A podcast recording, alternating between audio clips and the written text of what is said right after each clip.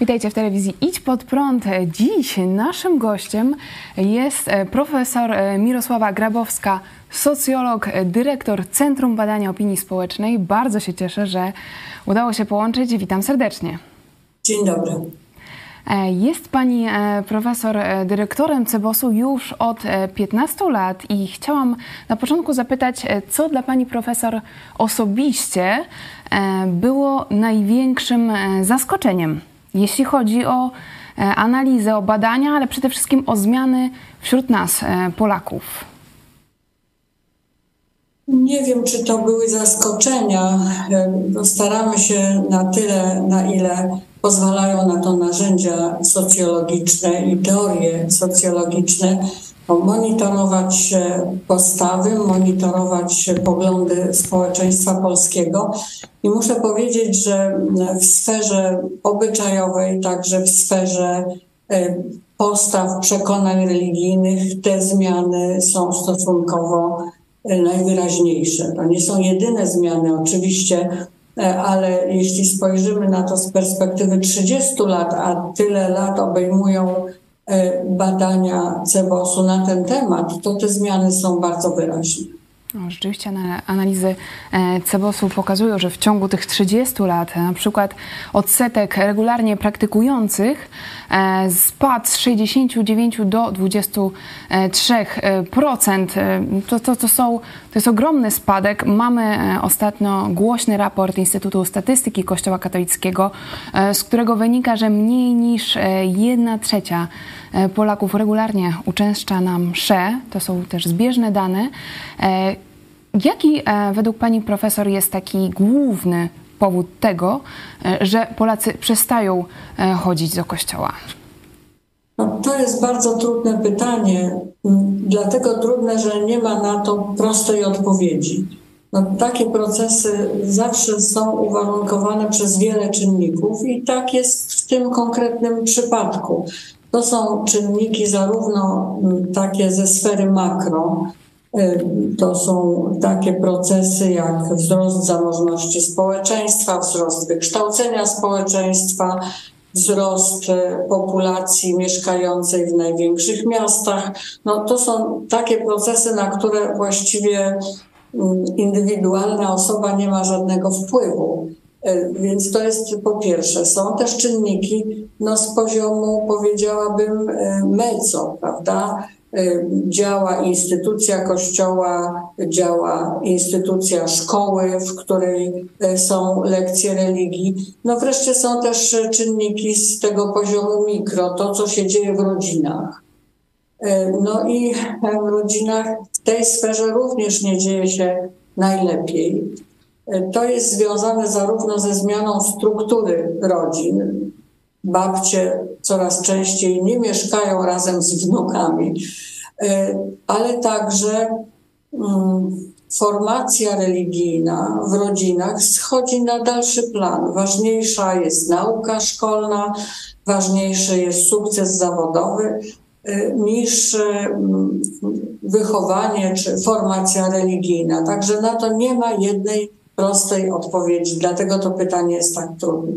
E, mówi pani profesor o e, stanie polskich rodzin i rzeczywiście e, w rozmowie z Katolicką Agencją Informacyjną miesiąc temu pani profesor powiedziała, że patrząc na stan polskich rodzin i parafii, należy się spodziewać, że sekularyzacja nie wyhamuje. Ja też e, słuchałam ostatniego wywiadu e, z panią profesor dla kultury liberalnej i tam z kolei e, wspomniała pani, że sekularyzację mógłby powstrzymać jedynie silny lider polityczny lub religijny. No i powiem szczerze, że zastanowiły mnie te słowa. Czy mogłaby pani profesor rozwinąć tę myśl? Jaki ewentualnie mógłby to być lider? Czy to powinien być na przykład katolik, czy ktoś innego wyznania? No w e, takich zmianach, e, jak te, o których mówię, no niejako wbrew temu, co powiedziałam, nic nie dzieje się automatycznie. Nie ma żadnych historycznych konieczności. O wszystkim decydują ludzie. Więc gdyby pojawił się e, silny, wyrazisty, przekonujący, trafiający na przykład do młodych ludzi przywódca religijny, no, no to mógłby wyhamować te procesy dziejące się na poziomie makro. No i w Polsce można powiedzieć, że powinien to być przywódca katolicki, no ze względu na strukturę wyznaniową e, naszego, naszego społeczeństwa, ale to nie dlatego, że mm, znowu nie z powodu jakiejś konieczności, no tylko po prostu dlatego, że większość związana silniej czy słabiej, czy wcale nie związana, ma za sobą ten background katolicki. Ja tylko tak e, się zastanawiam, e, mówi pani profesor też o e, młodym pokoleniu. Tu jednak trzeba no, zwrócić uwagę na to, że teraz szczególnie w szkołach ponadpodstawowych, w liceach, w technikach młodzi ludzie masowo się wypisują e, z lekcji religii e, i jednak też widzimy takie zjawisko rozproszonych autorytetów, czyli młodzi ludzie sami sobie gdzieś wybierają swoje autorytety, czy celebrytów, czy jakichś influencerów w mediach społecznościowych i raczej nie ma takiego zjawiska, że jest jeden taki silny lider wśród młodych właśnie przez e, internet. Dlatego też zastanowiła mnie ta teza, czy e, rzeczywiście e, teraz żyjemy w tych czasach wielkich liderów, tak jak na przykład to było w latach 80.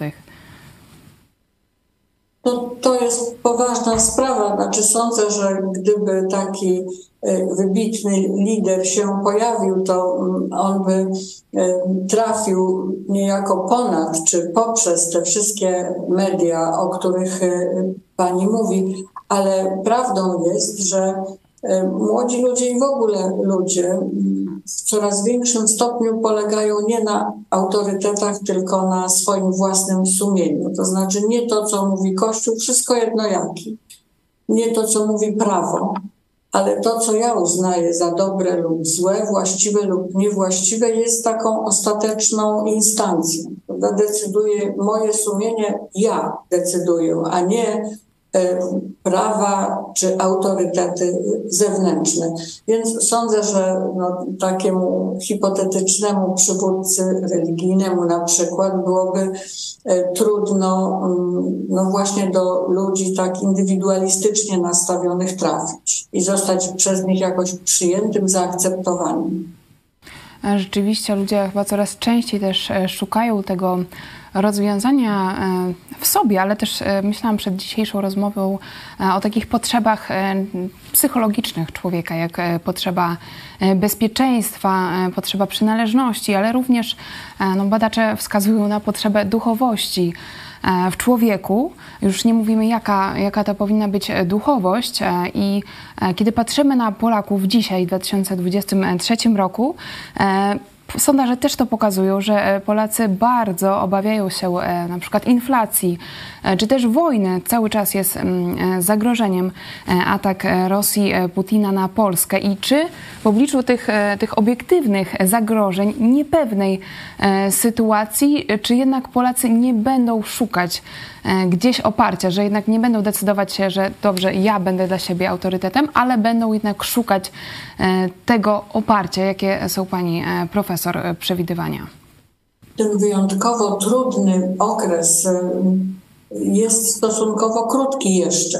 E, no to jest powiedzmy rok, może trochę więcej niż rok i skutki tej sytuacji niepewności, zagrożenia inflacją, a może i zubożeniem, czy subiektywnym zubożeniem, e, no być może jeszcze nie w pełni się ujawniły, nie w pełni wystąpiły. Owszem, lęki notujemy także w badaniach Cebosu, ale jak na razie nie widać przełożenia tych lęków, obaw na szukanie e, wsparcia, no, na przykład w rodzinie, czy w grupach przyjaciół, czy jeszcze w jakichś innych e, strukturach.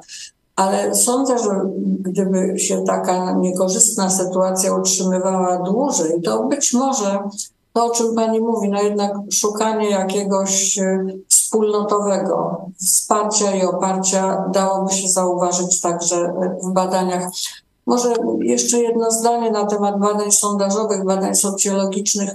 Jeśli mówimy o w sumie dość subtelnych procesach psychologicznych, no to one są do wyśledzenia, że się tak wyrażę, w badaniach sondażowych dopiero w dłuższym okresie czasu i kiedy są bardziej masowe, prawda? To wtedy my je jesteśmy w stanie uchwycić w badaniach sondażowych. Natomiast te mm, procesy, te zjawiska, o których Pani mówi, ja myślę, że one na pewno e, istnieją w społeczeństwie polskim, może zwłaszcza w grupie najmłodszych, e, którzy szczególnie dotkliwie przeżywają przeżywali okres pandemii i no, także tę obecną sytuację, e, ale no, póki nie stanie się to wyraziste, masowe puty badania sondażowe tego nie chwytają. Czyli musimy też e, poczekać. E, znów wrócę do wywiadu z grudnia dla Katolickiej Agencji Informacyjnej. Powiedziała Pani w tym we wywiadzie zastanawiam się, czy polskie społeczeństwo daje dziś e, Panu Bogu szansę i gdzie tej e, szansy szukać. E, mówi Pani również o tym, że w rodzinach tylko niektórych, w szkołach raczej nie, w kościele pod warunkiem, że się do niego pójdzie. Tutaj skracam. I na koniec mam nadzieję, że mimo tych niesprzyjających okoliczności Pan Bóg sobie poradzi. To bardzo ciekawe zdanie i korci, żeby zapytać, co miała e, pani profesor na myśli i jak Bóg e, miałby sobie poradzić e, w naszym społeczeństwie, które, tak jak wcześniej pani mówiła, no, idzie w kierunku dość szybko, w kierunku sekularyzacji. Znowu to jest bardzo trudne, bo to jest i psychologiczne, i religijne. Ja bym powiedziała tak, że z prawdziwą wiarą żywą wiarą mamy szansę się zetknąć poprzez wydarzenia naszego życia, prawda? Każdy je inaczej przeżywa, każdy je inaczej definiuje, interpretuje dla siebie. Dla niektórych to może być jakieś wielkie szczęście, dla niektórych y, jakaś tragedia, kataklizm życiowy, który może nas y, otworzyć na ten przekaz religijny. Po drugie, człowiek żywej wiary, prawda? Takich spotykamy lub nie e, w naszym życiu. E, no i jeśli się obracamy w środowiskach zindywidualizowanych, sekularyzowanych, to takich ludzi, być może oni tam e, czasem się trafiają, ale prawdopodobieństwo ich spotkania jest niewielkie. I wreszcie po trzecie przez Słowo Boże. No ale to Słowo Boże gdzie możemy usłyszeć, prawda? E, tradycja czytania Pisma Świętego e, w społeczeństwie polskim no, nie jest e, powiedzmy wyraźna i powszechna. No więc jeśli się nie chodzi do kościoła, a 40% najmłodszych w ogóle nie wchodzi do kościoła, no to także i to słowo nie trafia, bo, bo nie jest słyszalne, prawda? Także e, mnie się wydaje, że poprzez te trzy, że się tak wyrażę, świecko kanały, e, Pan Bóg do nas trafia. No i jest tylko pytanie o jak gdyby drożność tych e, kanałów i o to, czy my dajemy Panu Bogu szansę.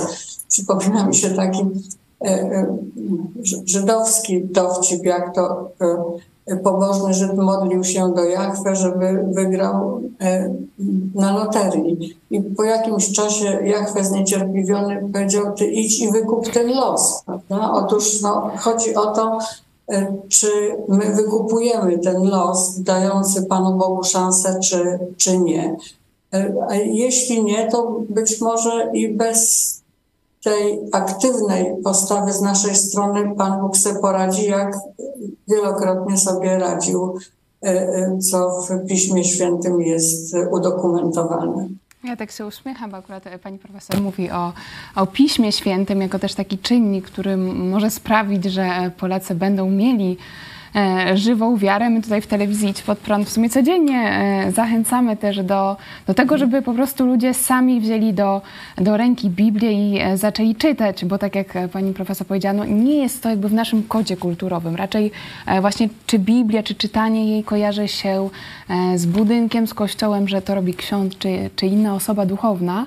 A tak mi się przypomniało, że kilka lat temu jest taka aplikacja YouVersion e, z Biblią e, online e, i Polska była, zdaje się, w 2018 roku pierwsza w Europie i trzecia na świecie, jeśli chodzi o ilość ściągnięć tej aplikacji. Także być może to też jest taki czas, żeby pokazać Polakom tą duchowość, czytanie Biblii też poza budynkiem kościelnym, skoro tyle osób jest zrażonych do instytucji, widać to też e, po tych statystykach.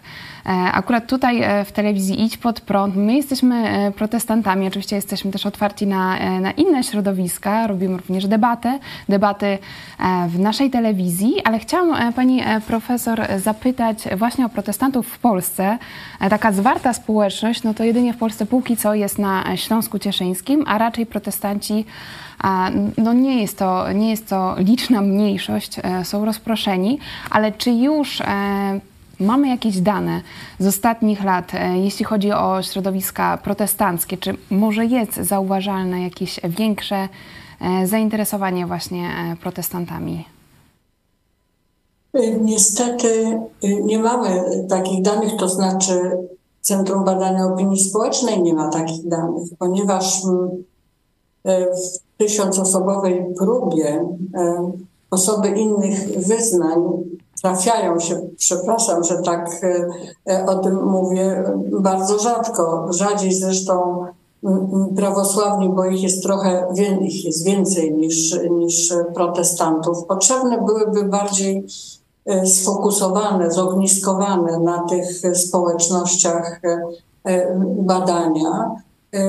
I no, mam nadzieję, że takie będą, że, że takie będą prowadzone. Po prostu no, statystyka e, jakby nie sprzyja obrazowi tych środowisk w badaniach reprezentatywnych społeczeństwa polskiego. To nie jest ani naszą winą, ani naszą zasługą. No po prostu tak się po II wojnie światowej ukształtował wyznaniowy pejzaż e, naszego kraju. E, dlatego też z taką e, ciekawością czekamy na dane ze spisu powszechnego, jeśli chodzi o wyznanie, o religię. Także myślę, że to też da takie nowe światło, jeśli chodzi o tą strukturę wyznaniową w Polsce. Na koniec może zapytam, czego my, widzowie i środowisko telewizji Idź Pod Prąd, możemy życzyć pani profesor na ten rok, który zdaje się będzie ciekawy. Przede wszystkim e, życzyć e, powodzenia w prowadzeniu badań Centrum Badania Opinii Społecznej. Ja swoją pracę w Cebosie kończę w lutym tego roku. To już jest trzecia moja kadencja. Już jest wybrany nowy dyrektor, nowa pani dyrektor i tejże nowej pani dyrektor również trzeba życzyć powodzenia w tej no niełatwej, nie ukrywajmy, pracy, ponieważ nasi mm, badani, wylosowani badani niezbyt chętnie uczestniczą w badaniach.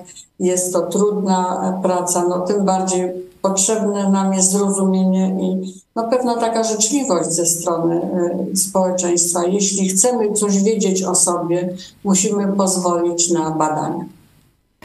W takim razie wszystkiego dobrego e, całej ekipie e, Centrum Badania Opinii e, Społecznej. Ja bardzo dziękuję pani profesor również za te wywiady w mediach, za te odważne wypowiedzi i też, że znalazła dzisiaj pani czas, żeby wystąpić w telewizji Idź Pod Prąd. Była z nami profesor Mirosława Grabowska. Bardzo dziękuję. Ja bardzo dziękuję za zaproszenie i za wywiad. Do zobaczenia. Jeśli chcesz, by niezależne od dotacji rządu dziennikarstwo przetrwało i rozwijało się w Polsce, poświęć dosłownie kilka minut na wsparcie telewizji Idź Pod Prąd. Nasza telewizja utrzymuje się dzięki comiesięcznemu wsparciu widzów. Jeśli uważasz, że rzetelnie spełniamy swój dziennikarski obowiązek, codziennie zapewniając Ci informacje, komentarze, analizy, a także sporą dawkę humoru, zachęcamy Cię do wsparcia naszej telewizji. Jak to zrobić? Wejdź na stronę idźpodprąd.pl wsparcie. Wybierz cel wpłaty. Możesz jej dokonać przez DotPay, PayPal, Blik lub tradycyjnym przelewem z tytułem darowizna. Gramy i gnamy dalej.